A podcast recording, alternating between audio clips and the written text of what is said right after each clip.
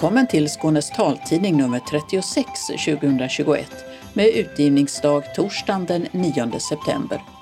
Solen gick upp 6.27 i morse och går ner igen 19.40 ikväll. På olika håll i Malmö sitter Birgitta Fredén och Dodo Parikas och tekniker Martin Holmström. Och det här är innehållet idag. Ökad trängsel i köpcenter och på idrottsarenor oroar Länsstyrelsen. Kampanjerna om att coronapandemin inte är över måste få bättre spridning.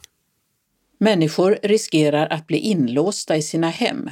Synskadades riksförbunds ordförande ser beslut i Högsta förvaltningsdomstolen som ett stort steg tillbaka för den svenska välfärden.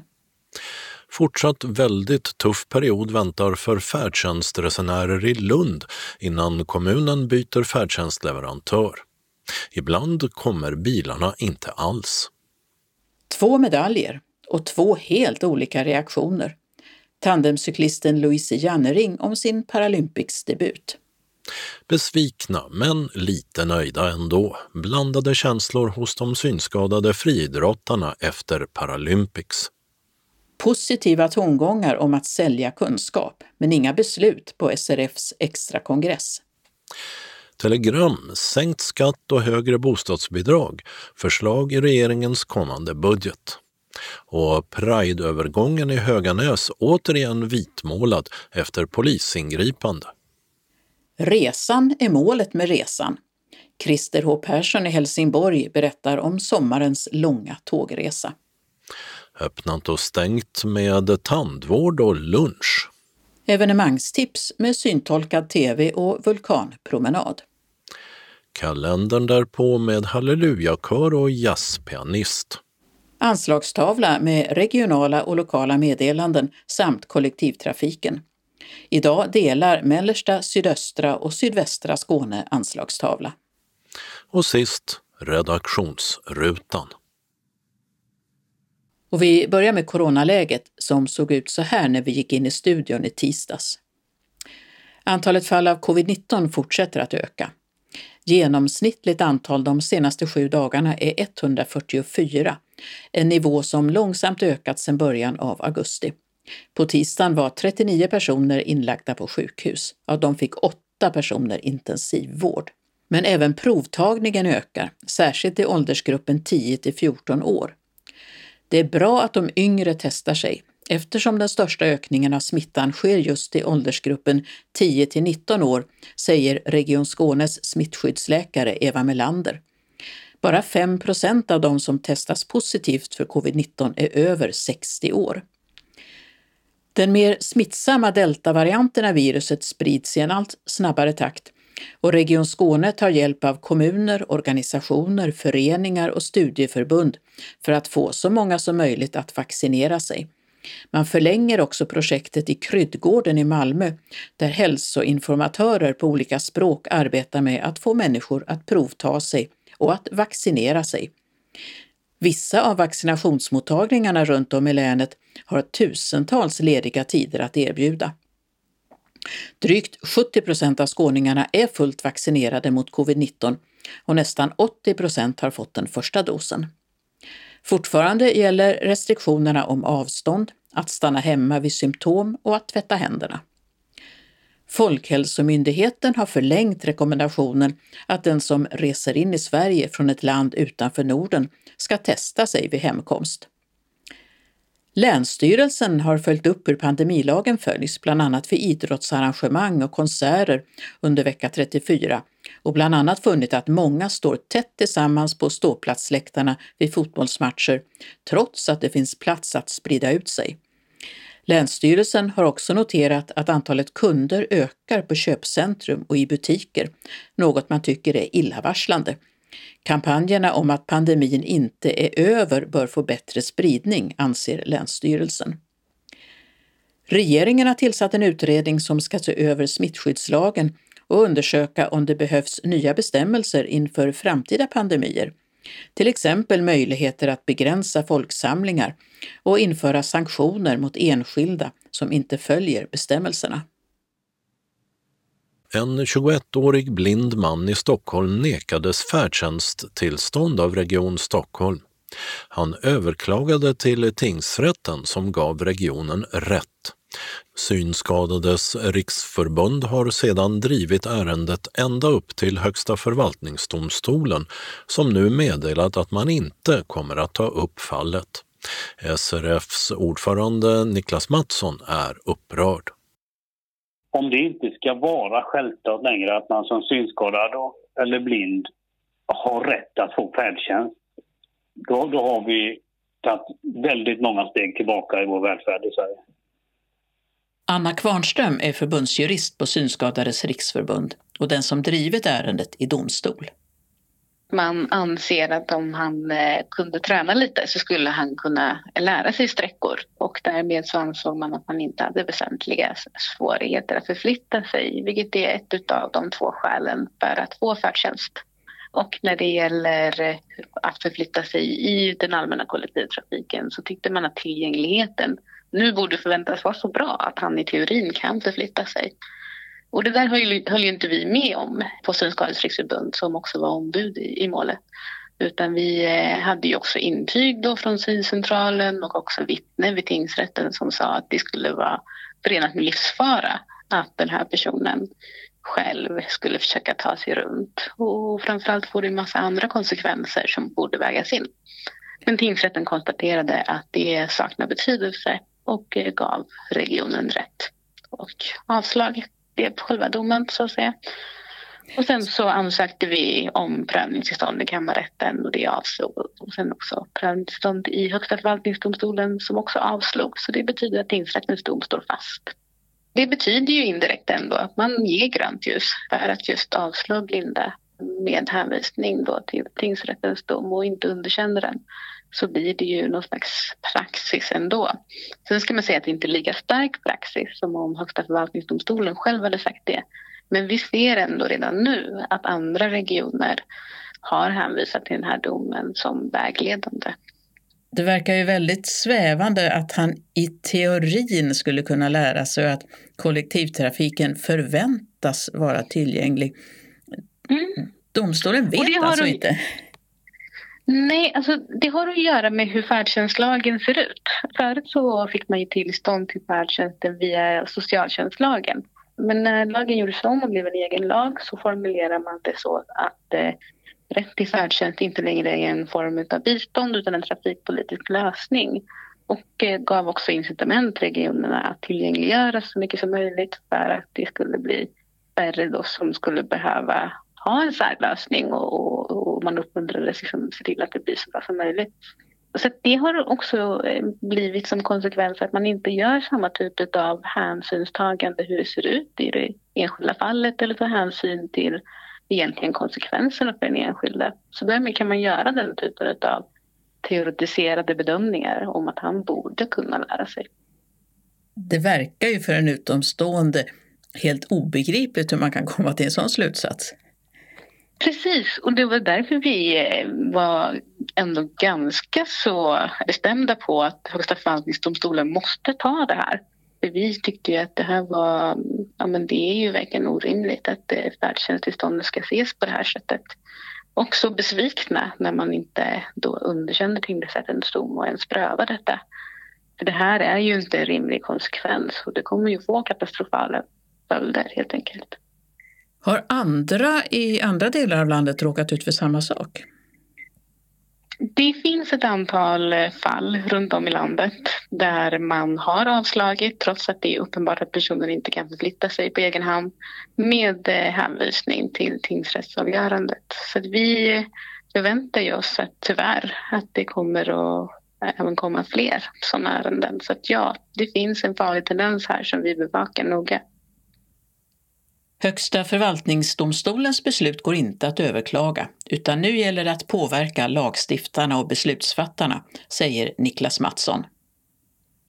Vi kommer ju att lägga väldigt mycket kraft på att eh, försöka få våra politiker, beslutsfattare, att eh, förstå vad deras tjänstemän håller på med. Det här handlar ju om att man skickar in en ansökan om färdtjänst och en tjänsteman säger att nej, du kan ju gå en, vissa, en viss sträcka själv så du har inte rätt till färdtjänst. Det är ju inte det det handlar om. Här handlar det om att vi inte ser och det måste vi lägga väldigt mycket kraft på och förklara för både beslutsfattare och tjänstemän i det här fallet.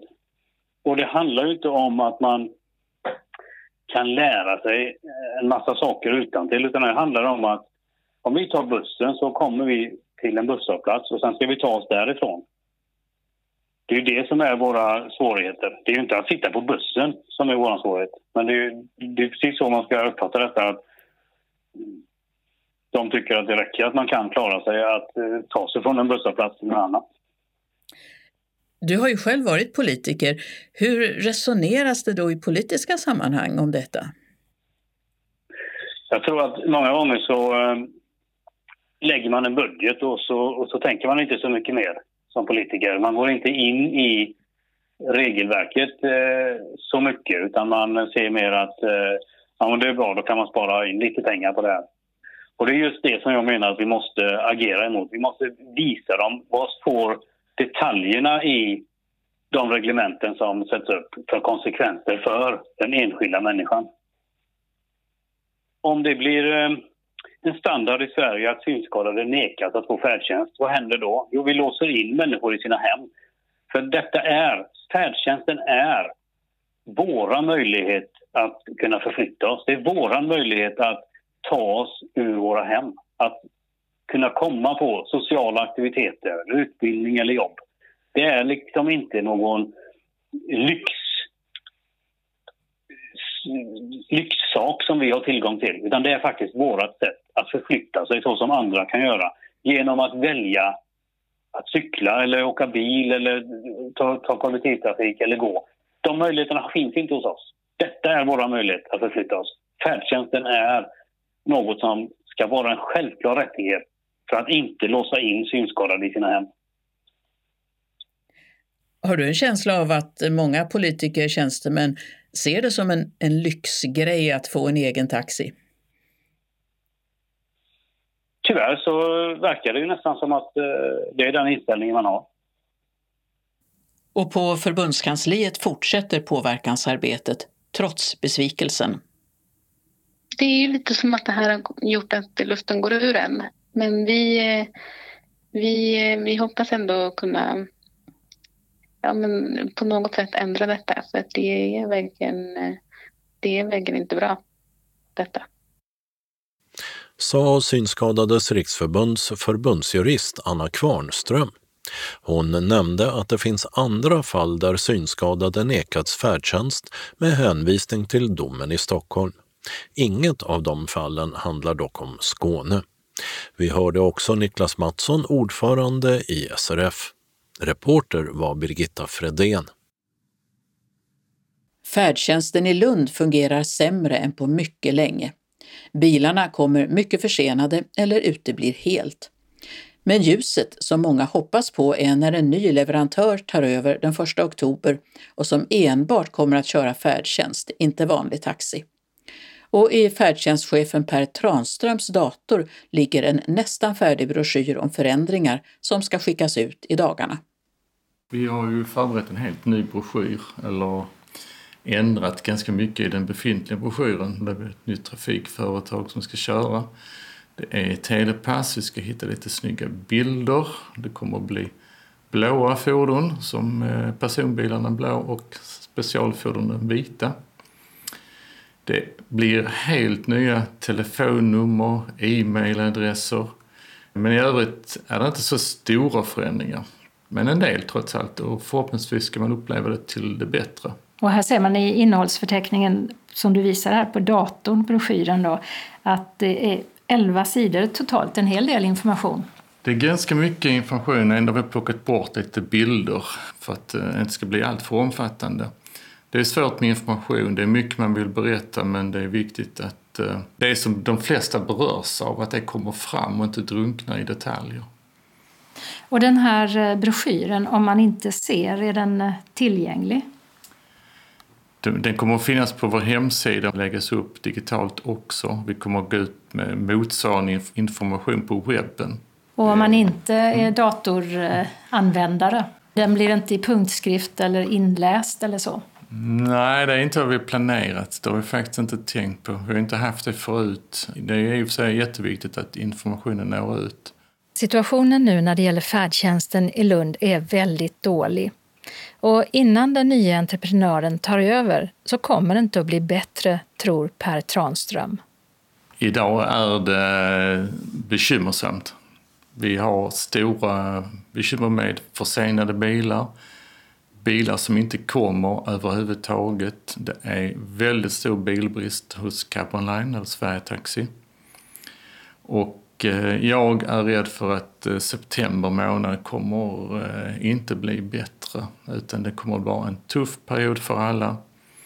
Speciellt är det tufft kring morgon och eftermiddag. De som åker många fasta resor till och från daglig verksamhet. Jobbigt man inte kommer dit, men ännu jobbigare om man inte kommer hem. Händer det att man inte kommer hem? Ja, på något vis löser det sig, men det händer ju att man inte kommer hem med hjälp av Cab Online, tyvärr. Eh, så personalen får ringa anhöriga om det går den vägen eller själv försöka köra. Det är, det är jättesvårt. Det, det är tufft för många den här perioden.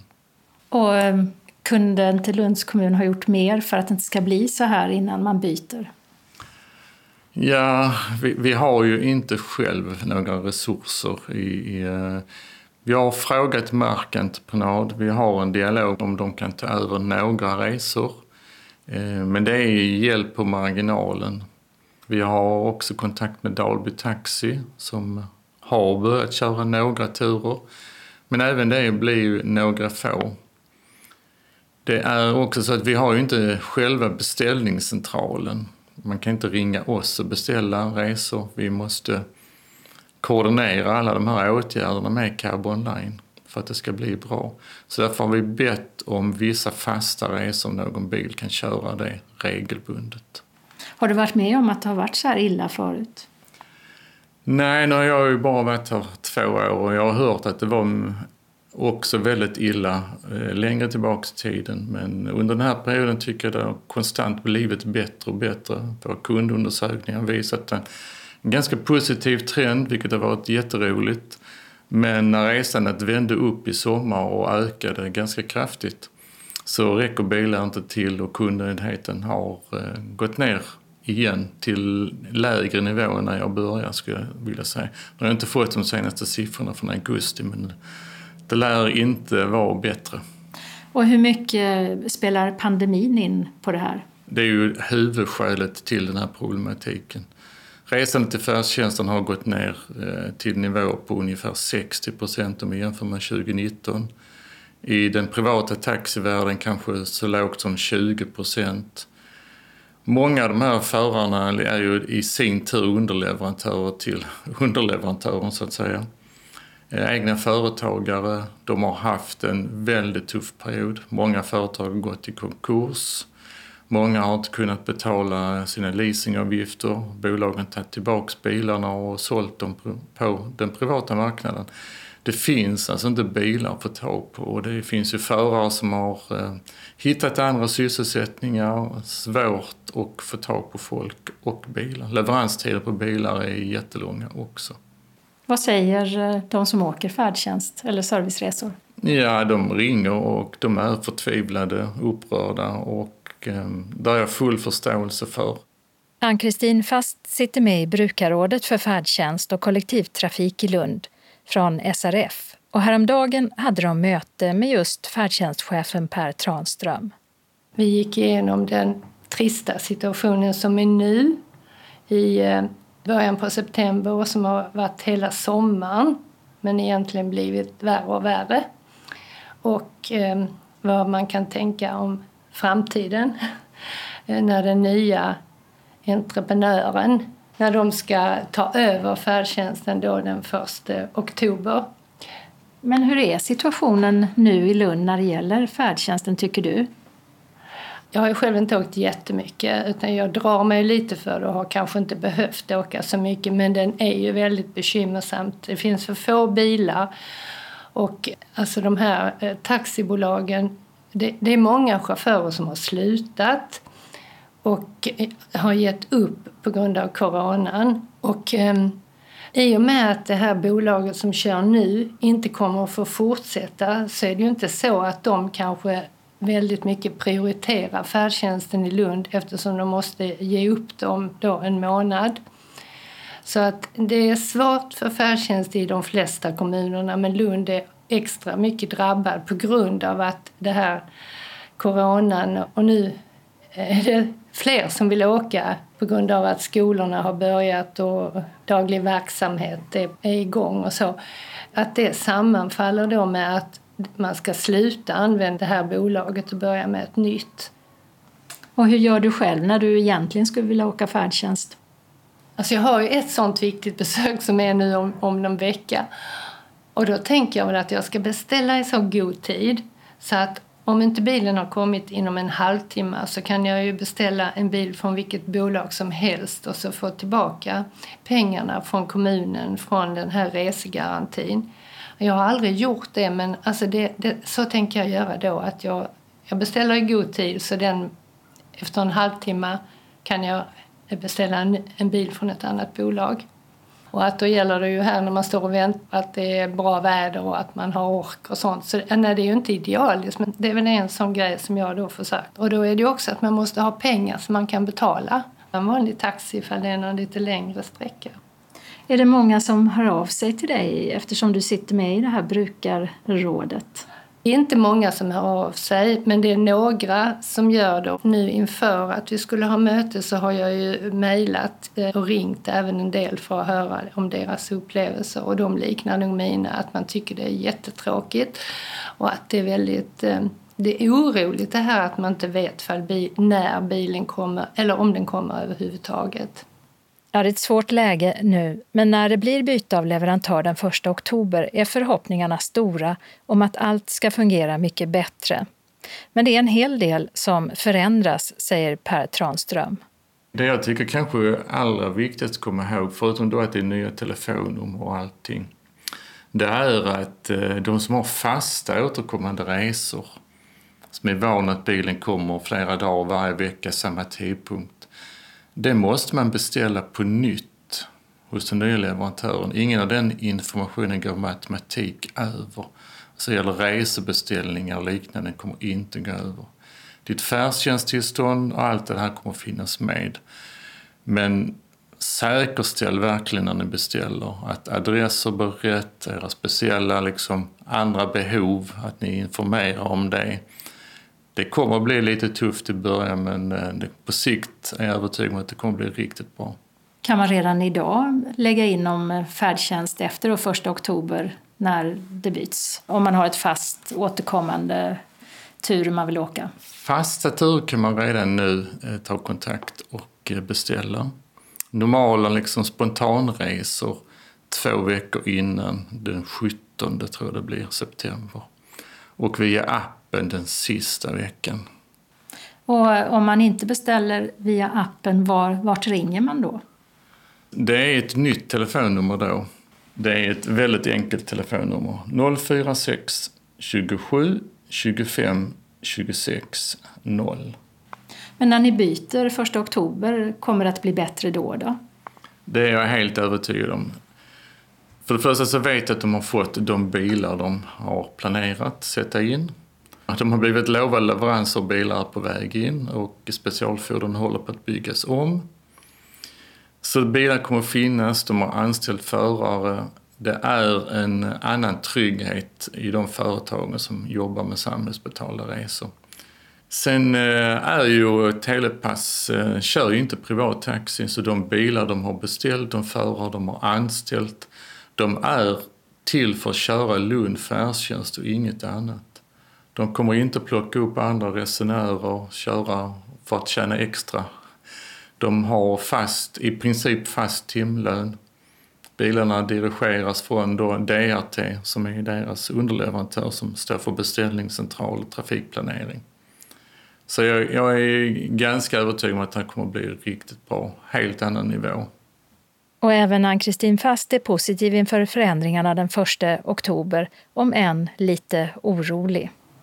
Alltså det här har ju varit på gång länge eh, och det har varit beslut om att något annat bolag skulle köra och sen har det överklagats och överklagats.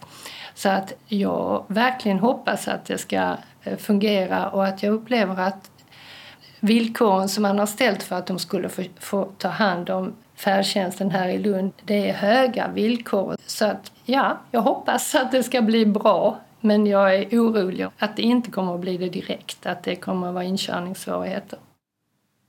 Det sa Ann-Kristin Fast, SRFs representant i brukarrådet för färdtjänst och kollektivtrafik i Lund. Och en annan stor förändring är att alla resor kommer att faktureras så ingenting betalas i bilen. Alla kommer också att få ett kundnummer som används när man beställer färdtjänst med mera. Färdtjänstupphandlingarna är överklagade och rättsprocessen i förvaltningsrätten är inte avgjord ännu. Reporter var Åsa Kjellman i Risi. Den i särklass mest framgångsrika av de synskadade Paralympicsdeltagarna, tandemcyklisten Louise Jannering, landade i måndags kväll på Arlanda med två medaljer i bagaget. Tillsammans med sin pilot Anna Svärdström tog hon brons i både tempo och linjeloppen på landsväg. Och naturligtvis så ville vi veta hur medaljen ser ut. Den är eh, mycket tyngre än vad man tror. Det är första reaktionen eh, från alla som har liksom, eh, fått känna på den och titta på den. Den är rund, ganska tjock och den är väldigt taktil. Så på framsidan så är det liksom som ett, ja, ett mönster kan man säga. Någon slags ja, dekorativa fjädrar skulle man kunna säga som liksom sprids eh, ut över själva ytan. Och sen så i, i de här fjädrarna så finns det en rund cirkel där den paralympiska symbolen finns taktil, väldigt taktil. Och så, så längst ner, eller i den nedre halvan i alla fall av framsidan så står det dels på svart skrift eh, Tokyo 2020 Paralympic Games och sen så står det också på punktskrift Tokyo 2020 så det tycker vi är väldigt föredömligt. Och sen så eh, på baksidan så är det liksom också en symbol för de här spelning kan man säga. Och sen så är det ett mönster av blad också. Det är väldigt, eh, väldigt taktilt. Och sen så på själva kanten liksom, runt om så står det också ja, vilket event den här medaljen är för. Alltså för mig är det ju tandemcykling, landsväg, både tempolopp, time trial och road race som är eh, linjelopp. Då. Och sen hänger den i ett, ett band då, hon har runt halsen. Vilken var roligast att vinna då, den första eller den andra? De var ju roliga på två olika sätt men jag skulle ändå säga den första därför att det var sånt otroligt eh, slit. Det var på tempoloppet, alltså det är ju det individuella loppet. Liksom. Så då fick vi tidsangivelser hela tiden om eh, hur vi låg till i förhållande till de andra paren och vi visste att vi gick väldigt tajt med det paret som sen kom fyra, ett par från Polen. Då. Så vi, vi, vi korsade verkligen mållinjen och var helt slut. Jag, det är inte många tempolopp, om ens något tempolopp där jag har tagit ut mig så fullständigt. Det var verkligen eh, en otrolig eh, effort, vilket det verkligen var värt. Och sen så tog det några minuter innan vi fick beskedet om att vi faktiskt hade grejat den där bronspengen. Och då blev vi superglada och kramade om varandra och grät lite och sådär. Det var verkligen helt överväldigande. Men alltså på linjeloppet som ju är ett längre lopp, då visste vi ju rätt länge att ja, men vi var tre par i utbrytning så vi visste att om vi inte liksom kör jättelångsamt så de andra där bak kommer ikapp eller att vi får något mekaniskt problem så, så har vi ändå bärgat en medalj så länge vi liksom håller fokus och då hinner man ju, ja vänja sig är väl ett stort ord men, men, men ja, på något sätt så hinner man vänja sig vid tanken och så var det också så otroligt nära silverpengen. Eh, så när man korsar mållinjen då är det så himla uppe i själva tävlingen så blir man ju lite sådär, ah, ah, det var så nära silverpengen, det var verkligen bara liksom ett, ett om ens det. Eh, men sen så landar man i det och inser att ah, men ett brons på Paralympics är faktiskt helt fantastiskt. Vi hade ju inte räknat med någon medalj även om vi visste att det fanns en liten möjlighet. Så, på längre sikt så är vi ju superglada över båda medaljerna men det var två helt olika spontana reaktioner. Liksom. Det var ju din debut i Paralympics. Har det här gett mer smak? Det har definitivt gett mer smak. Det gick ju otroligt mycket bättre än vad jag har kunnat drömma om eller vad vi har kunnat drömma om. Det är liksom som att det verkligen har hänt någonting de senaste månaderna med oss som par. Anna körde så fantastiskt bra eh, där framme som pilot på den här väldigt tekniskt krävande banan, vilket var jätteroligt. Jätte och nu har man ju känt på hur det känns att stå på pallen. Det är en helt fantastisk ära. Jag är så otroligt tacksam för att få uppleva det här. Och det är klart att det ger mer smak. Det var ju kul, så det vill man ju göra om. Det var verkligen ett helt fantastiskt event upplever jag och framförallt otroligt mycket, väldigt många otroligt liksom, trevliga volontärer som verkligen men, eh, var så otroligt tillmötesgående och positiva och hjälpte oss med all, bara liksom, all logistik och all packning som krävs för cykling och sådär. Eh, vi hade ju en otrolig massa packning med oss hela laget. Så det var, det var ett jättebra event, helt klart. Var ska du ha medaljen förresten? Eller medaljerna? Vi får se, jag har inte riktigt bestämt det. Vi fick väldigt sådär fina handsnidade askar till dem som faktiskt var otroligt häftiga. Jag har liksom inte bestämt om jag ska ha den där eller om jag ska lägga den någonstans. De får väl följa med till Uppsala. Just nu är jag i Stockholm men jag tror att de får följa med till Uppsala och, och bo där. Dubbla bronsmedaljören Louise Jannering intervjuades av Birgitta Fredén. Tävlingarna var fantastiskt bra arrangerade men vi kunde ha presterat bättre. Ja, de tre synskadade längdhopparna i det svenska Paralympics-teamet är inte helt nöjda med sina resultat. Men för debutanten Olof Ryberg som hoppade 6,25, vilket räckte till en åttonde plats, var Paralympics så mycket mer än bara en tävling. Ja, det är en otroligt stor upplevelse och det är ofantligt mycket att eh, ta in. Men eh, fantastiskt, fantastiskt häftigt. Ja, det är svårt att beskriva det. Är du nöjd med vad du presterade? Både ja och nej. Eh, jag är väldigt nöjd med att jag lyckades bli topp 8, komma till final och få göra alla sex hopp. Det var det som var målet. Sen så var längderna inte riktigt där jag ville. Jag är nöjd med placeringen men inte med resultatet. Själva atmosfären omkring då, tävlingsarrangemangen och så? Alltså väldigt annorlunda kan jag tänka mig från vad det brukar vara.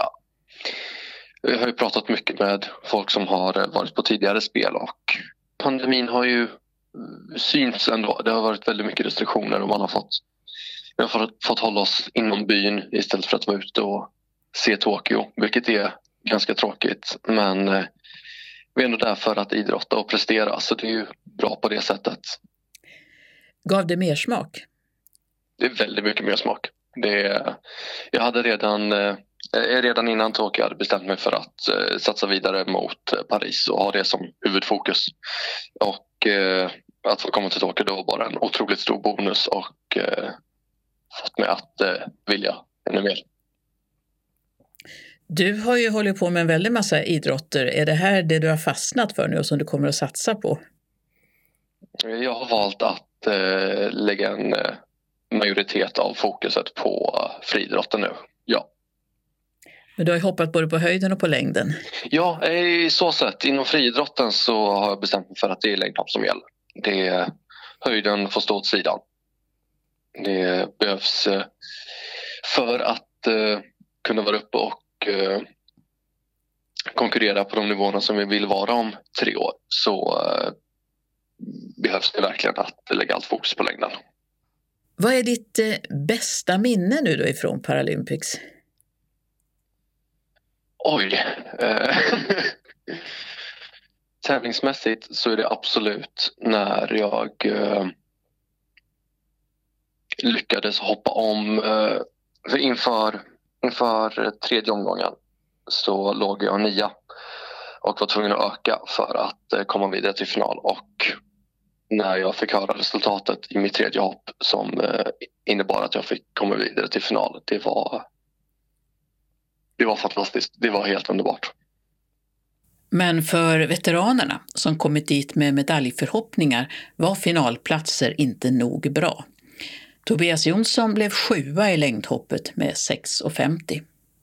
Jag var inte så direkt imponerad av mig själv, men eh, jag har haft lite eh, jobbigt på vägen om man säger, med skador och sånt. Men eh, jag är ganska nöjd också att jag ändå kommit till Paralympics och kunnat göra det resultatet ändå. Men det räcker inte till för de högsta placeringarna, de allra högsta. Jag ville ju komma hem med en medalj men man märkte att man var en liten bit kvar. Jag var i jättebra form. Så sett, det var inget problem med det. Men det är att jag, jag är inte riktigt den nivån i hopp, själva hoppningen. Eh, jag kan inte riktigt få ut den goda formen jag var i till själva hoppningen, tyvärr. Är du besviken?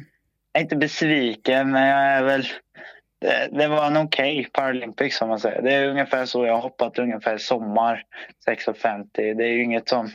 Det är ju inte underkast om man säger. Det känns ju ändå... Ja, men det är ungefär jag har luggit i sommar. Det har varit en ja, men okej okay sommar. Jag har ändå tagit EM-brons i somras och i början på sommaren och sen sjuan nu. Det får väl vara en relativt okej okay säsong. Jag har ju... Eh, ja, jag gjorde ju comeback om man säger från skadorna för ett halvår sedan. Så, så det har varit lite stressigt tillbaka. Victoria Karlsson, sexa efter ett hopp på 4.55, är besviken. Men det är klart jag är, jag är besviken. Jag har ju alltid drömt om Paralympics-medalj och eh, eh, jag har inte fått till det på något av de spelen jag varit med på så det är klart att jag är besviken. Nu fick du ingen, ingen medalj som jag hade hoppats på, men själva resultatet då, var det okej? Okay? Mm. Nej, det var väl där det inte var okej, okay, jag hade jag hoppats på att kunna hoppa upp mot mina personbästa längder och då hade jag också kunnat vara med och slåss om medaljerna. Så det var inte, jag blev inte överraskad över att medaljerna låg på de resultaten de låg utan det var bara jag som inte kom upp i den standarden helt enkelt. Hur var själva tävlingen då? Det var ju lite speciellt det här med att det inte var någon publik och så. Men i övrigt så var det ju en jättebra arrangerad tävling och otroligt roligt att nivån är så hög och så. Så att eh, det var roligt. Ja, det här att det inte var någon publik. Det skulle ju komma barn och titta på tävlingarna. Gjorde det det? Nej, det blev inte så. så det, var, det var ganska dött på läktarna. Vi hade vår egen lilla svenska hejaklack, men annars var det inte så mycket. Tobias Jonsson saknade verkligen publiken. Man tränar ju för att typ nästan visa upp sig också, inte bara... Typ så här, jag, jag vill oftast typ tänka så här, nu har jag tränat bra en period så nu vill jag visa vad jag kan ge av den bra formen. Jag, det var inte riktigt så. Man saknar det här ekot, eller vad ska man säga? Man saknar den uh, höga ljudet, atmosfären som man knappt hör sig själv när man tänker. Så. Men ja, det är som sagt, det var lika fall. Annars kan man ju tänka sig att det är störande med en massa publik på läktarna som för liv och så. Ja, men precis. nej, men det, det har inte jag haft problem jag, jag njuter nästan av det. Då känner jag mig väldigt mer avkopplad om man säger så. Jag gillar ju alltid att klappa igång om man säger publiken. Har du hunnit tänka någonting framåt mot Paris och sådär? Ja, absolut. Redan efter tävlingen då blev jag lite så här, vad ska man säga, revanschsugen. det var inte riktigt så här jag ville, men jag visste det kunde bli så här också. Så jag är lite revanschsugen. Jag, eh, jag vill visa mig ännu bättre vad jag har varit än vad jag har varit innan. Så jag blickar framåt nu, tre år. Eh, kan jag hålla mig skadefri och så i de här tre åren så kan jag bli väldigt bra till Paris. Så jag har kommit upp tillbaka i en relativ nivå där jag är nu men målet är att jag ska komma ännu högre. Men Victoria Karlsson är inte lika säker på en fortsättning. Jag har faktiskt inte tagit det beslutet än. Det är så otroligt mycket känslor kring ett eh, spel både innan och efter så att det är dumt att ta sådana beslut när man är så känslomässigt påverkad. Så jag kommer ta min vila och sen så fundera mer på sådana saker eh, längre fram.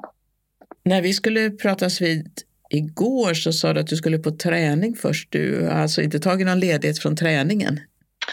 Jo, men jag vilar från eh, det jag brukar göra tänkte jag säga. Men jag tycker fortfarande om att röra på mig så nu gör jag lite, lite annat som man inte får göra annars. Lite långlöpning och träna det jag tycker är roligt helt enkelt och inte bara det jag måste göra. Sa Victoria Karlsson, den placeringsmässigt bästa av de synskadade längdhopparna på Paralympics i Tokyo. Vi hörde också Olof Ryberg och Tobias Jonsson. Reporter var Birgitta Fredén. SRF har haft digital extrakongress och tagit upp sånt som inte hanns med under kongressen i somras. Det blev bakläxa för jämställdhetspolicyn och positiva tongångar men vidare diskussion kring frågan om Synskadades riksförbund ska driva affärsverksamhet. Något som skulle kunna bättra på distriktens ekonomi men som också väckt farhågor för konkurrens med bland annat Iris-företagen centralt. Vi hör SRF Skånes ordförande Maria Torstensson som även är ledamot i Riksförbundets styrelse. Därför sa vi det att den här frågan kan bli svår att ha redan nu utan den kanske vi måste arbeta fram ett bättre förslag och framförallt ha mer dialog med Iris förvaltning och Almåsa som blir lite oroliga, vilket är jätteonödigt eftersom det inte är meningen att vi ska utsätta dem för någon konkurrens överhuvudtaget. Men det som var väldigt roligt det var ju när man hörde, folk fick ju komma med lite åsikter om vad de tyckte om den här frågan, om de tyckte att det här var någonting som vi skulle fundera på. Så var det faktiskt bara positiva saker om att vi borde göra det. Dels ekonomiskt, att det kan behövas tillskott i distrikten i och med att statsbidragen och regionala och kommunala bidrag hela tiden sänks. Och då kan det vara så att vi kan behöva ett tillskott. Och sen så också att vår kunskap som det handlar om egentligen, det är ju vår kunskap som vi skulle kunna sälja in på olika sätt. Exempelvis så ringer många företag och frågar om deras hemsidor är tillräckligt tillgängliga för oss och så vidare. Och det borde vi kunna ta betalt för att undersöka. Och det gäller då alltså på lokal nivå runt om mm. i landet att varje ja. avdelning ska kunna göra det här och ta in ja. pengarna själv då? Ja, framförallt distrikt skulle jag säga. Och när tror du att det finns någonting som det kan komma ett beslut på? Jag tror att det här måste diskuteras i organisationen i alla fall nästa år också tror jag. Och sen så kommer det tas upp på ett organisationsråd så småningom. Vi kommer säkert att diskutera det här att man skickar ut en fråga ut i, i distrikten så att man får komma med svar i styrelserna där och kanske bland medlemmarna. Så jag tror att det här måste bli en ganska bred fråga. Sen finns det ju de som menar på att vi ska inte tjäna pengar och, och så. Och då ska man ju betänka att vi har tagit in över 100 miljoner på ledarhundskalendern vilken har hjälpt till att vi kan ha våra ombudsmän, vilket vi inte hade kunnat annars, på det här sättet som vi har idag. Så att eh, det där med hur man får in pengarna, vi får inte längre de statliga bidragen vi har fått förr. Och då, då är det bara så att vi måste försöka få till det på ett annat sätt. En rad olika motioner som inte hanns med vid den ordinarie kongressen i juni avhandlades under extrakongressen. Däribland ett förslag om att i SRF-sammanhang avstå från flygresor av miljöskäl. Något som nordligare SRF-distrikt motsade sig och den motionen gick inte igenom. En annan motion föreslog utbildning av kanslipersonal i bemötande av medlemmar som hör av sig. Även den motionen avslogs, men SRF Skåne gjorde ett tilläggsyrkande om att redan producerat utbildningsmaterial i frågan på riksnivå även ska distribueras till distrikt och lokalavdelningar, berättar Maria Torstensson. En viktig fråga under extrakongressen var den jämställdhetsstrategi som tagits fram av en arbetsgrupp i samarbete med SRFs rikskansli, men som blev återremitterad eftersom delegaterna menade att den inte höll måttet. Och eh, den tyckte man var alldeles för tunn så att den kommer att arbetas om och tas upp på ett organisationsråd 2022. Och vad tyckte Skåne i eh, den här frågan? Var förslaget för tunt? Jag tror att man rent generellt tyckte att det var för tunt och det, det tror jag att Skåne också tyckte. Sen så är det här en svår fråga. Det är många som tycker väldigt mycket men det är få som vill vara med och jobba med frågan. Jag har inga åsikter om att det är ett dåligt material som har tagits fram utan det är nog det som har kommit fram. Men eh, den här arbetsgruppen får väl arbetas om och sättas ihop på ett annat sätt. Eh, och så får man väl se till att det kommer fram ett kraftigare och bättre material. Frågan är om jämställdheten är sämre inom SRF än vad den är inom resten av det svenska samhället. Det är inte säkert att vi kan ändra på det. Vi kan naturligtvis göra det bättre inom SRF, det tror jag. Men eh, ja. Hur viktiga är policydokument för att det ska bli bättre i en viss fråga som jämställdhet? Finns det en risk att ett policydokument är någonting man kan slå sig till ro med och sen händer inte tillräckligt mycket ändå? Jag tror att det är en stor risk. Jag tror att det är någonting som måste finnas med på, inte varje dagordning, men varje år måste de här frågorna finnas med det är ingenting som man bara kan ta ett år och sen så hoppas man på att folk kommer ihåg det efter sju år. Det kommer nya människor in i, i organisationen hela tiden. Och även i styrelserna naturligtvis också. Och då behövs de här äh, frågorna hela tiden diskuteras och se vad som har hänt och, och vad man ska göra för att det ska bli bättre och så vidare. Det sa SRF Skånes ordförande Maria Torstensson som intervjuades av Dodo Parikas. Personer med sjuk och aktivitetsersättning ska få lägre skatt. Det kommer regeringen att föreslå i den kommande budgetpropositionen. Idag betalar en person som har sjuk eller aktivitetsersättning cirka 10 000 kronor mer per år i skatt jämfört med någon som har lika stor inkomst av arbete. Det är dags att ta bort den skillnaden i skatteuttag, säger biträdande finansminister Åsa Lindhagen i ett pressmeddelande från Finansdepartementet. En person som har en sjukersättning på 12 706 kronor i månaden får en skattereduktion på 1 068 kronor i månaden och den som har en sjukersättning på 10 183 kronor, det vill säga garantinivån, får en reduktion på 838 kronor per månad enligt regeringens uträkningar.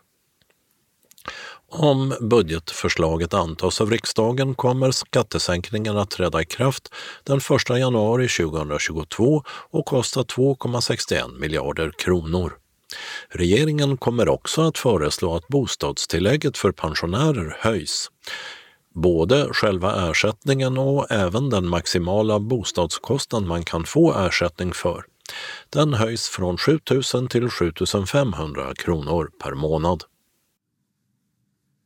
De regnbågsmålade övergångsställena vid Kvickbadet i Höganäs är nu vitmålade igen. Kommunen målade om efter ett möte med polisen som utrett och kommit fram till att de färgglada övergångsställena i korsningen Storgatan-Strandgatan innebar ett brott mot vägmärkesförordningen.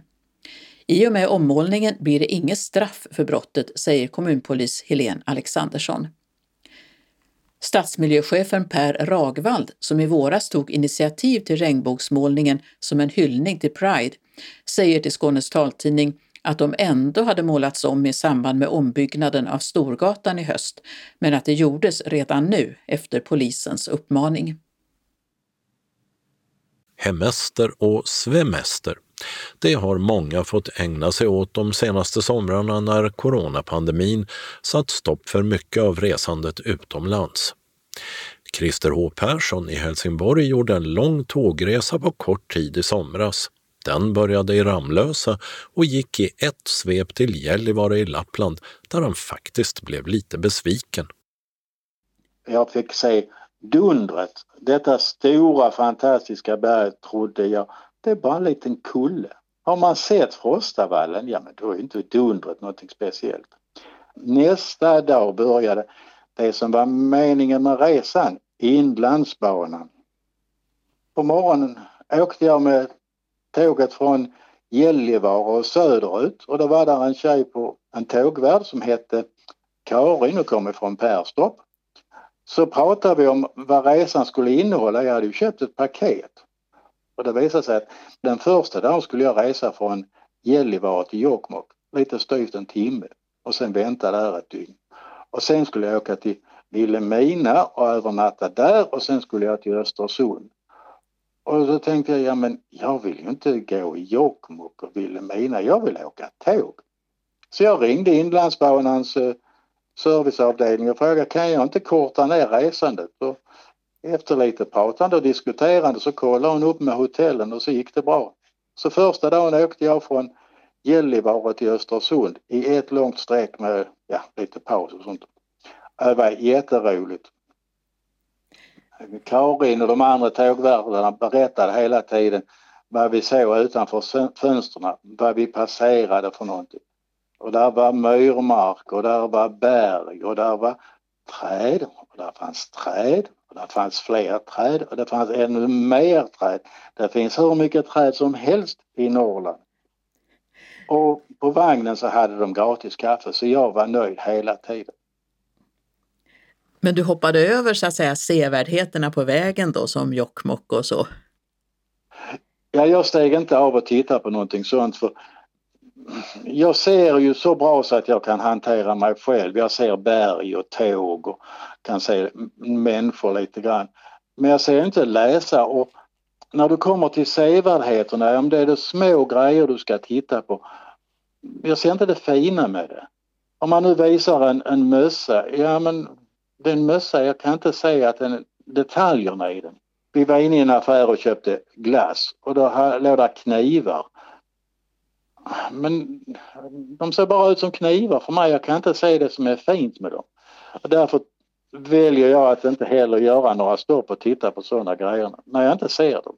Utan jag sitter och tittar ut genom fönstret och ser världen åka förbi och det tycker jag är jättemysigt.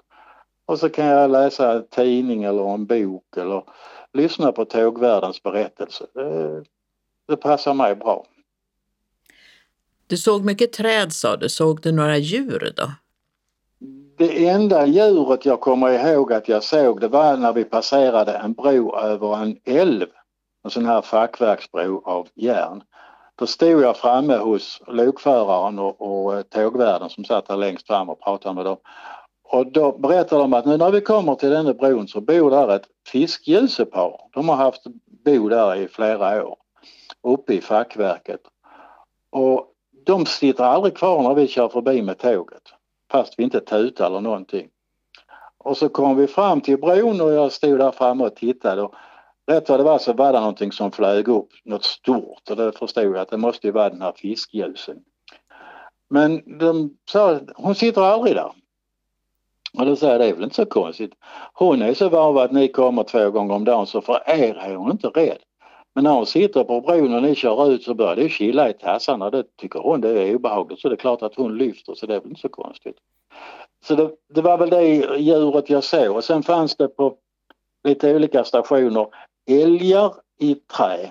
Det var vanligt förekommande där uppe, träälgar. Och jag tror jag till och med jag såg en björn, träbjörn också på något ställe men det är jag lite osäker på. Men inga levande björnar och inga renar och så? Nej, det såg jag inte. Så det var själva tågen, tågresorna som var grejen, det var inte sevärdheter på vägen? Nej. Resan är målet. Målet med resan är att resa. Och det har jag verkligen gjort. Jag har rest och jag har haft så trevligt, bara träffat trevliga människor och inte haft minsta problem. Jag, jag, vet ju väldigt mycket mer om, om Sveriges inland nu än jag visste innan. Jag har ju hört talas om namnen men nu har jag åtminstone passerat där förbi. Och det, det, det är jag alldeles nöjd med. det är själva åkandet som är grejen. Och min stora dröm det är ju att åka Transsibiriska järnvägen. Tänk en hel vecka på samma tåg, bara åka och åka och åka. Ah. Ja. När blir det då? I sen. Christer H Persson i Helsingborg berättade om sommarens tågresa. Inlandsbanan slutar i Mora och därifrån tog Christer H direkt tåget tillbaka till Skåne. Han hann med de 400 milen på tre och ett halvt dygn och intervjuades av Birgitta Fredén. Har du gjort något spännande och kanske ovanligt på hemestern som du vill berätta om? Hör av dig till oss. Kontaktuppgifterna hittar du i redaktionsrutan sist i tidningen. Öppnat och stängt. I Sjöbo har Folktandvården flyttat från vårdcentralen på Björkvägen 3 till nya lokaler på Trädgårdsgatan 1A. Och i Sjöbo har simanläggningen öppnat igen efter att ha hållit stängt i tio månader. I Lunds kommun har följande lunchrestauranger för seniorer öppnat igen. Papegojelyckan på Falkvägen 14, Vevrehemmet på Sandgatan 4 i Veberöd och Festan på Backgatan 15 i Södra Sandby, som alla har öppet mellan 12 och 13 på vardagar. Och så Lars Kristoffers väg 7 i Genarp som har öppet mellan 11.30 och 13 alla dagar. Lilla kaféet på Lilla Tvärgatan 2 i Lund har också öppnat igen för alla pensionärer och har öppet mellan 10 och 15.30 måndag till onsdag och 10 till 14 på fredagar. I Malmö stänger Åhlénsbutiken på Mobilia lördagen den 11 september och har fram till dess utförsäljning av resterande varor. Butiken på Södergatan 17 har fortfarande öppet. Evenemangstipsen inleds med syntolkad TV från UR. Naturkunskap förklarat innehåller sex biologiavsnitt för gymnasiet. Syfte att komplettera undervisningssituationen med bilder, sammanhang och konkreta exempel samt även sammanfattningar för den som studerar på egen hand. Den andra syntolkade UR-serien är Tora och skogen för grundskola upp till årskurs 3. Bullterriern Tora tar med tittaren på upptäcktsfärd i den svenska skogen. Exempel ges på djurs och växters samverkan och begrepp som fotosyntes, kretslopp samt trädens påverkan på klimatet förklaras. Serierna finns bland annat på UR Play.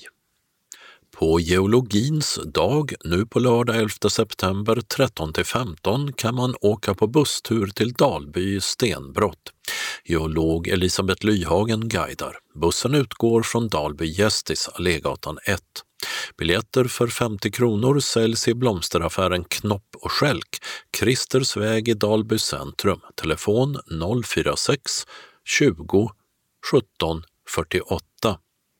Och vid sliperiet i Gylsboda kan man samma dag 14.00, alltså den 11 september, höra professor Ulf Söderlund föreläsa om mineraler och stenar.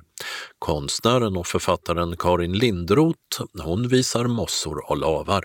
Adress Gylsboda 2423 Lönsboda. Bokens dag arrangeras på Skillinge teater 11 september 11 16. Bland annat kommer Tarek Taylor, Kristina Olsson och Anders de la Motte. Moderator är Gudrun Schyman. Biljetter för 250 kronor köps via hemsidan skillingeteater.se, skillingeteater.se. Telefon 0761 64 08 64. Norska Anne Bruns Europaturné med förband gör ett stopp på Malmö Live konserthus söndag 12 september 19.30 till 22.30. Åldersgräns 13 år. Biljettpris 480 till 540 kronor. Vi har tidigare nämnt att folkmusikerna Lena Willemark och Roger Tallroth spelar i Bromölla 11 september. De kommer även till Forum, Kungsvägen 22 i Örkelljunga söndag 12 september 17 till 18. Tixter säljer biljetter dit för 100 kronor. Den som är under 18 kommer in gratis, men biljett krävs ändå. Måndag 13 september 19 till 20.30 uppträder duon på Kulturhuset Centralskolan i Perstorp, Oderljungavägen 20. Biljetter för 80 kronor säljs på Perstorps bibliotek. Telefon 0435 392 30. Ulrika Knutsson, journalist, författare och ordförande för Guldkassetten-juryn, kommer till Kulturboxen, Pilängsskolan, Pilgatan 13 i Lomma, tisdag 14 september 19-20 för att berätta om sin bok om Elin Wägner, författare och civilisationskritiker. Pris 50 kronor. Lomma bibliotek arrangerar. Telefon dit 040 641 13 73. Författaren och mediestrategen Britt Stakston besöker Vellinge torsdag 16 september. 15.00 till 16.00 föreläser hon på Vellinge bibliotek om fake news och källkritik och 19.00 på Höllvikens bibliotek om sociala medier och filterbubblor. Fri entré till båda föreläsningarna men föranmälan krävs på 040 42 50 60 för föreläsningen i Vellinge och till 040 42 54 85 för Höllviken. 17 och 18 september är det premiär för Höganäs Summer Book Festival med både riksbekanta och lokala författare och starkt fokus på Island. Eva Fröling, Gunnel Karlsson, Claes Östergren, Åsa Moberg, Andrzej Tishi och islänningarna Einar Kaurasson, Kristina Eriksdotter och Andris Nair Magnusson finns bland deltagarna. Festivalen hålls i Blåhallen, Bruksgatan 7. Start 12.00 bägge dagarna. Biljetter kostar eh, för en dag 195 kronor och 345 för två och säljs av Tixter. Bjäre bokhandel och Höganäs bokhandel samt i entrén om det finns några kvar. Ståuppveteranen Lenny Normans Skåneturné når Tingvalla i Åstorp fredag 17 september, Dansrotundan i Lomma lördag den 18 och Folkets hus i Teckomatorp söndag 19 september. På samtliga platser gäller insläpp 19.00, showstart 19.30 och biljettpris 180 kronor. Biljetter säljs av biljettfabriken.se. Mobilnummer 0762 74 62 10, men dit kan man bara smsa. En guidad vandringstur utgår från Naturum i Skäralid söndag 19 september klockan 11 till vulkanen Ralaté, aktiv för runt 110 miljoner år sedan. Geologen Ulf Söderlund från Lunds universitet berättar. Vandringen längs en stig är cirka 4 kilometer lång och tar två timmar. Terrängen är kuperad och man passerar bland annat över en bäck. Det hela är gratis men man måste föranmäla sig på telefon 010 224 1150 eller e-post naturum.soderasen lansstyrelsen.se senast 17 september. Biljettinformation Tixter 0771 47 70 70. Malmö Live Konserthus 040 34 35 00. Kalendern för årets 37 vecka börjar med måndagen den 13 september då det är Stures namnsdag. I riksdagen blir det en extrainsatt debatt om läget i Afghanistan med start 9.00. Den sänds via riksdagens webb-tv. 60 år fyller denna dag skådespelaren Dan Kandell, bosatt i Malmö och ofta anlitad av Helsingborgs stadsteater. Kandell är också verksam som tal och ljudboksinläsare. Tisdagen den 14 september 14.00 öppnas riksmötet. Det är alltså dags för riksdagens högtidliga öppnande som kan följas på webb-tv.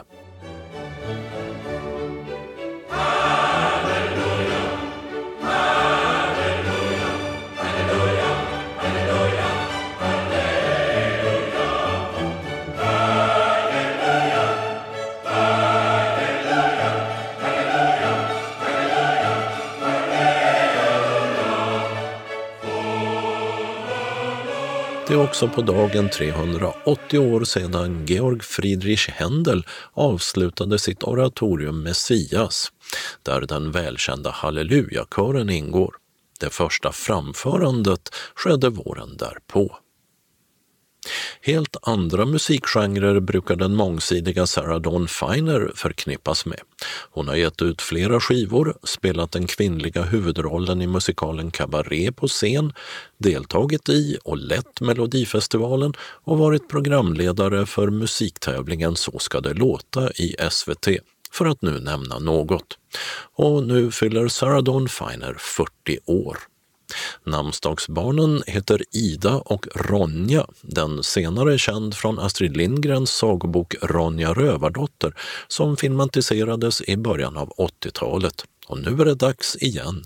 Denna gång blir det en tv-serie som ska komma ut på Viaplay 2023. Onsdagen den 15 september är Siris och Sigrids namnsdag. I riksdagen är det partiledardebatt med start 9.00. Även den sänds via riksdagens webb-tv. Nationaldag firas i följande latinamerikanska länder Costa Rica, El Salvador, Guatemala, Honduras samt Nicaragua. Torsdagen den 16 september är det dags att fira namnsdagsbarnen Dag och Daga. I Mexiko är det nationaldag och i Köpenhamn inleds kanot-VM. Och så har 90 år passerat sedan jazzpianisten och kompositören Jan Johansson föddes i Söderhamn i Hälsingland.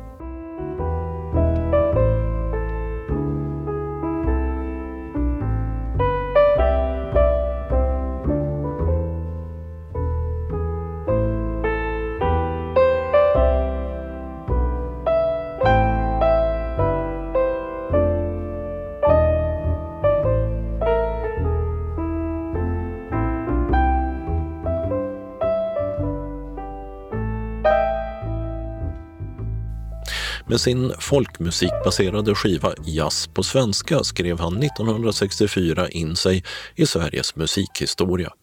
Jan Johansson avled i en trafikolycka 1968. Fredagen den 17 september så har Hildegard och Magnhild namnsdag. Lördagen den 18 september är Orvars namnsdag och ytterligare ett latinamerikanskt land firar nationaldag, nämligen Chile. 50 år fyller världssopranen Anna Netrebko, bördig från Ryssland och bosatt i Österrike. Och söndagen den 19 september sätter punkt för veckan och då är det Fredrika som har namnsdag. Den regionala delen av anslagstavlan inleds med ett meddelande från NSPH, Nationell samverkan för psykisk hälsa i Skåne. Arbetet med brukarrevision på synenheten i Malmö fortsätter under hösten på grund av för få intervjuer. NSPH Skåne, som är ett nätverk av brukar-, anhörig och patientföreningar, har fått uppdrag att utföra en helt oberoende och extern undersökning, en så kallad brukarrevision. Undersökningen är djupintervjuer med personer som har kontakt med verksamheten med frågor kring bland annat lokaler, bemötande, kompetens och delaktighet. En sammanställning av samtliga intervjuer blir till en rapport vars syfte är att ge verksamheten en bild över vad patienterna anser om verksamheten samt vad som fungerar och vad som behöver utvecklas. Målgruppen kommer att vara personer med en grav synnedsättning och vara mellan 18 och 65 år. Får just du ett brev hem i brevlådan med information kring en brukarrevision och anmälningsformulär hoppas vi att du vill dela med dig av dina värdefulla erfarenheter. Innehållet i brevet kommer att vara anpassat så att du kan ta del av materialet i sin helhet. Alla som medverkar i intervju får ett valfritt presentkort som tack på 300 kronor. Har du frågor kring detta är du välkommen att mejla oss på brukarrevision nsphskane.se eller ringa brukarrevisionssamordnare Erika Wilhelmsson på telefonnummer 0762 489879. Din röst är viktig. Med värme, NSPH Skåne. Skånetrafiken informerar om att från och med den 13 september förlänger serviceresor öppettiderna i kundtjänst. Helgfri måndag till fredag går det att kontakta via telefon, mejl eller chatt från klockan 8 till klockan 20. SRF Ängelholm Båstad påminner om torskjakten på Öresund onsdagen den 15 september med turfiskebåten MS Linda som chartrats av SRF. Fisketuren tar fyra timmar och börjar i Nyhamn i Landskrona klockan 13. Alla SRF-medlemmar i Skåne är välkomna. Priset är 200 kronor och bindande anmälan och betalning sker till Marianne Jönsson i SRF Ängelholm Båstad. E-post Marianne Jonsson 95 snabela gmail.com eller telefon 070 710 4597 senast söndagen den 12 september klockan 12.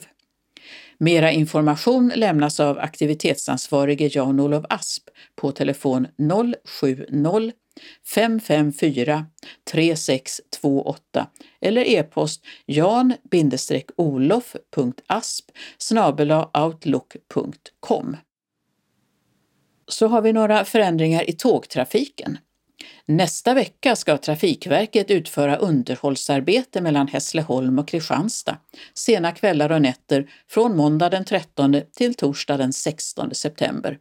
Då är Öresundstågen mellan städerna inställda och på då, då är Öresundstågen mellan städerna inställda och Pågatågen är inställda mellan Önnestad och Kristianstad. Bussar ersätter. Från klockan 16 lördagen den 18 september till klockan 18.40 söndagen den 19 september är alla tåg mellan Malmö Svågertorp och Trelleborg inställda. Bussar ersätter både direktbussar och via mellanstationerna. På Lommabanan är det dags för underhållsarbete på nätterna den 20 till 23 september och det innebär att pågatågen är inställda från klockan 23 och de ersätts av bussar. Anslagstavlan för mellersta, sydöstra och sydvästra Skåne inleder vi med ett meddelande från SRF Lundabygden som bjuder in till Vardag i balans. Nu har vi glädjen att återigen kunna erbjuda våra medlemmar sittgympa i vår föreningslokal på Tordensvägen 4 i i Lund. Torsdagen den 30 september klockan 12 till 13 kör vi igång, men antalet platser är begränsat till åtta personer, så skynda dig att anmäla dig om du vill vara säker på att kunna hänga med. Efter gymnastikpasset serveras en lättare fika, så beställ inte färdtjänst för tidigt. Deltagaravgiften är 500 kronor för 10 gånger. Inbetalningskort kommer att skickas ut. Sista anmälningsdag är 16 september. Du anmäler dig till kansliet på telefon 046 211 0674. För allas trygghet krävs det att du är fullvaccinerad mot covid-19 och att du vid minsta förkylningssymptom stannar hemma. För att vi ska kunna starta en grupp krävs det att vi blir minst fem deltagare. SRF Malmö Svedala inbjuder till sin dagverksamhet. Kaffe och smörgås eller kaka kostar 10 kronor. Vi vill att alla anmäler sig till kansliet om man tänker komma på någon av dagaktiviteterna, senast klockan 10 samma dag som aktiviteten. Känner man sig sjuk så stannar man hemma. Måndagen den 13 september klockan 12 till 14 är det tidningsläsning och eller frågesport. Och tisdagen den 14 september klockan 12 till 14 blir det bingo. SRF Malmö Svedala hälsar också välkommen till en tjejträff torsdagen den 30 september då Tina från Seniorshoppen är tillbaka för att visa och berätta om höstens mode. Du kan handla kontant, med kort eller med inbetalningskort och du kan prova kläder i lugn och ro under kvällen. Vi kommer att ha visning av kläder i två omgångar med begränsat antal. Första gruppen kommer klockan 16 och sen kommer den andra gruppen klockan 18 då vi alla äter tillsammans innan andra gruppen tittar på kläderna.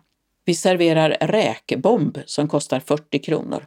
Drycker är till självkostnadspris. Om man har allergier eller särskild kost meddelar man det när man anmäler sig.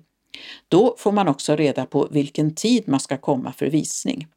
Du betalar kontant eller med swish till nummer 123 077 8050. Anmälan senast fredagen den 24 september klockan 12. Om man känner sig sjuk så ber vi er att stanna hemma. Hjärtligt välkomna hälsar styrelsen. Om man anmäler sig till SRF Malmö Svedalas aktiviteter på telefon 040 25 05 40 eller e-post info srfmalmo.se.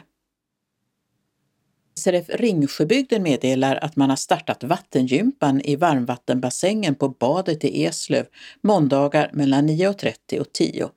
Det finns några platser kvar. Är du intresserad så ring till Ingemo, telefon 070 38 90 273. Och om intresse finns så vill styrelsen i Ringsjöbygden gärna ordna med gåsmiddag eller julbord.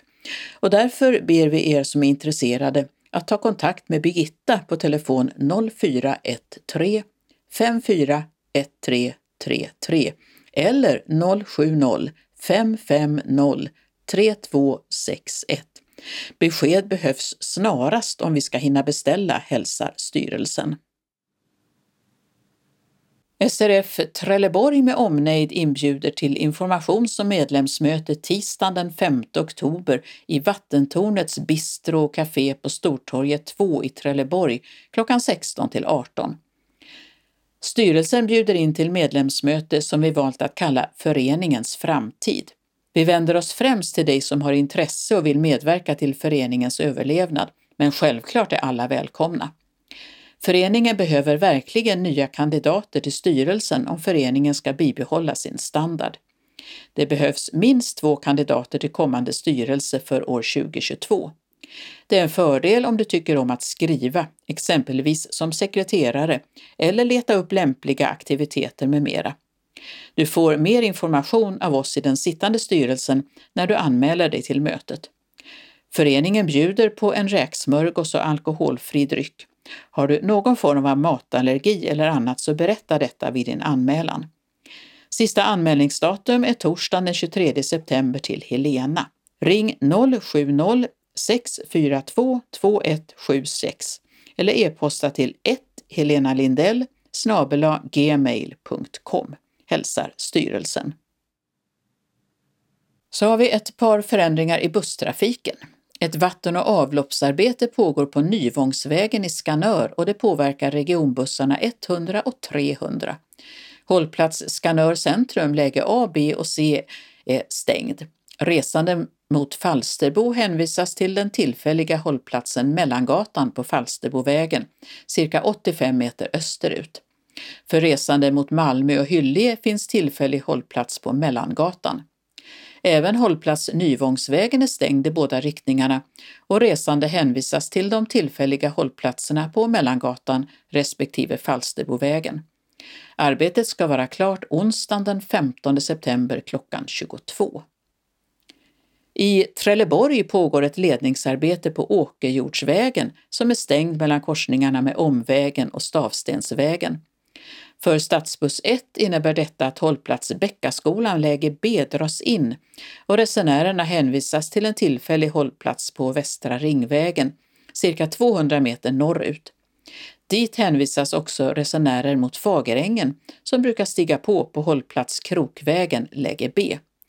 De som brukar stiga av på den hållplatsen hänvisas nu till hållplats Bäckaskogan läge C de som brukar stiga av på den hållplatsen hänvisas nu till hållplats Bäckaskolan läge C, 700 meter i nordostlig riktning.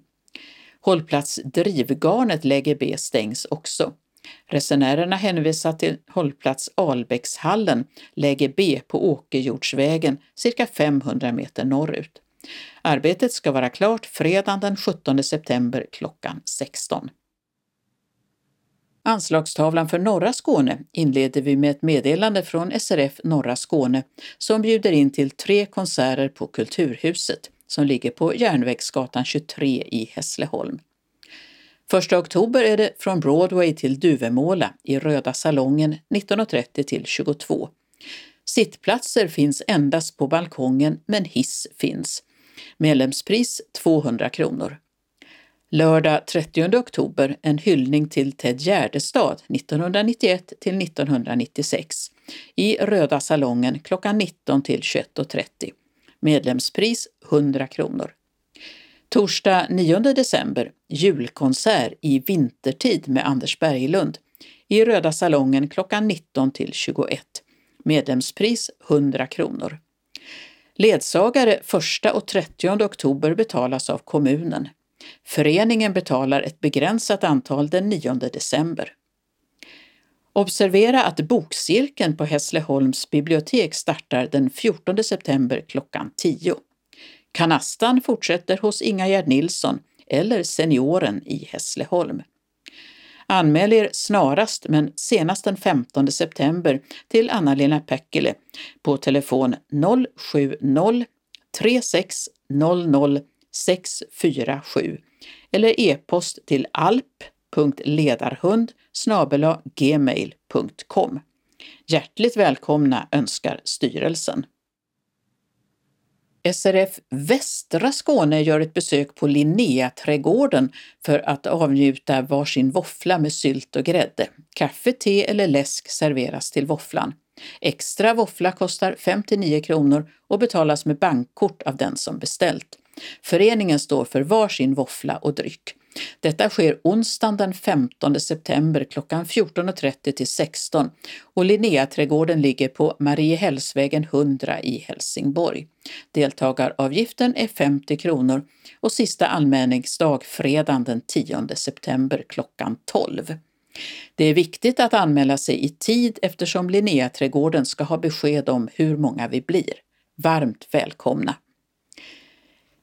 SRF Västra Skåne gör också en utflykt till Kiviks musteri och Brösarps gästis fredagen den 24 september med avfärd från SRFs lokal klockan 7.45, samling senast klockan 7.30 och beräknad hemkomst cirka klockan 15.45. Deltagaravgiften är 325 kronor för medlemmar i Västra Skåne och 625 kronor för övriga. Sista anmälningsdag är den 16 september klockan 12. Program. Vi börjar dagen med en guidad visning på Kiviks musteri. Sen blir det tid att botanisera i deras shop eller bara beundra äppelodlingarna. Därefter åker vi den korta sträckan till Brösarps gästis där vi äter en klassisk skånsk äggakaka med fläsk och rårörda lingon. I priset ingår bussresa med resteamet guidad visning på Kiviks musteri samt lunch på Brösarps gästgiveri. Skynda dig med din anmälan. Ingen kontant betalning utan alla får en inbetalningsavi. Välkommen med på en trevlig höstutflykt. Och anmäler sig till båda arrangemangen gör man på telefon 042 15 83 93 eller e-post srf.monica med k snabela telia.com. Vi har några förändringar i busstrafiken. I Helsingborg håller Drottninggatan på att asfalteras och busslinje 8 kör Strandvägen istället. Hållplats Kompassen är stängd i båda riktningarna och istället finns hållplatser i ett par parkeringsfickor på Strandvägen. Och så här ska det vara till onsdagen den 15 september klockan 16. Arbetet på Helsingborgsvägen i Hässleholm som skulle ha varit klart den här veckan har förlängts. Och det innebär att linje 511s hållplats Gröningsplan läge A, alltså i riktning mot Ängelholm, kommer att vara stängd till fredagen den 8 oktober klockan 16. Resenärerna får fortfarande använda den tillfälliga hållplatsen 300 meter längre framåt i bussens färdriktning på Helsingborgsvägen. I Höganäs byggs hållplatsen Idrottsplatsen på Norra Månstorpsvägen om och är stängd i båda riktningarna. Resenärer med regionbuss 201 hänvisas till tillfälliga hållplatser på Götgatan, cirka 200 meter åt nordost och det här gäller tills vidare. Regionbuss 201 påverkas också av ombyggnaden av Storgatan i Höganäs. Hållplatserna Bruksskolan läge A och B och Köpmansgatan läge A är stängda och resenärerna hänvisas till Busstorget. Även hållplats Kvickbadet är stängd och resenärerna hänvisas antingen till Busstorget eller till tillfälliga hållplatser på Götagatan. De tillfälliga hållplatserna får också användas av de som annars brukar ta linje 201 vid nu stängda hållplats Kyrkogatan. Och det här arbetet beräknas pågå till sista maj nästa år. I Kristianstad pågår vatten och avloppsarbeten på Södra Kaserngatan i höjd med Sjökronas gata. Hållplatserna Hästtorget och Kyrkogården stängs i båda riktningarna och ersätts med hållplatser på Södra Boulevarden, 450 respektive 600 meter söderut. Det här berör stadsbuss 1, regionbussarna 545, 551 och 558 samt Skåneexpresserna 1, 3 och 4. Arbetet ska vara klart fredagen den 8 oktober klockan 16. I Landskrona pågår arbete på Kolonigatan, vilket innebär att hållplats Lasarettet norra läge A är stängd. Resande med linje 2 mot Västra Fäladen och linje 3 mot stationen hänvisas till en tillfällig hållplats cirka 50 meter framåt i bussens färdriktning på Kolonigatan. Arbetet ska vara klart fredagen den 19 november klockan 18. I Röstånga i Svalövs kommun är hållplats Röstånga kyrka på Billingevägen väg 13 stängd i båda riktningarna på grund av markarbeten. Resenärer med linje 518 hänvisas till Röstånga busstation vid korsningen Billingevägen-Marieholmsvägen cirka 800 meter bort. Arbetet ska vara klart den 1 oktober klockan 16. Och med det är Skånes taltidning slut för den här veckan. Nästa nummer kommer nästa torsdag, den 16 september. Skånes taltidning ges ut av Region Skånes psykiatri och habiliteringsförvaltning. Ansvarig utgivare är Martin Holmström. Postadress Jörgen Ankersgatan 12, 211 45 Malmö. Telefon 040-673 09 70. E-post Skanes taltidning snabela skane.se och hemsida skanestaltidning.se. Observera att cd-skivorna inte ska skickas tillbaka till oss. Såväl skivor som kuvert kan läggas i brännbara sopor när ni inte längre vill ha dem. Vi hörs igen. Hej då!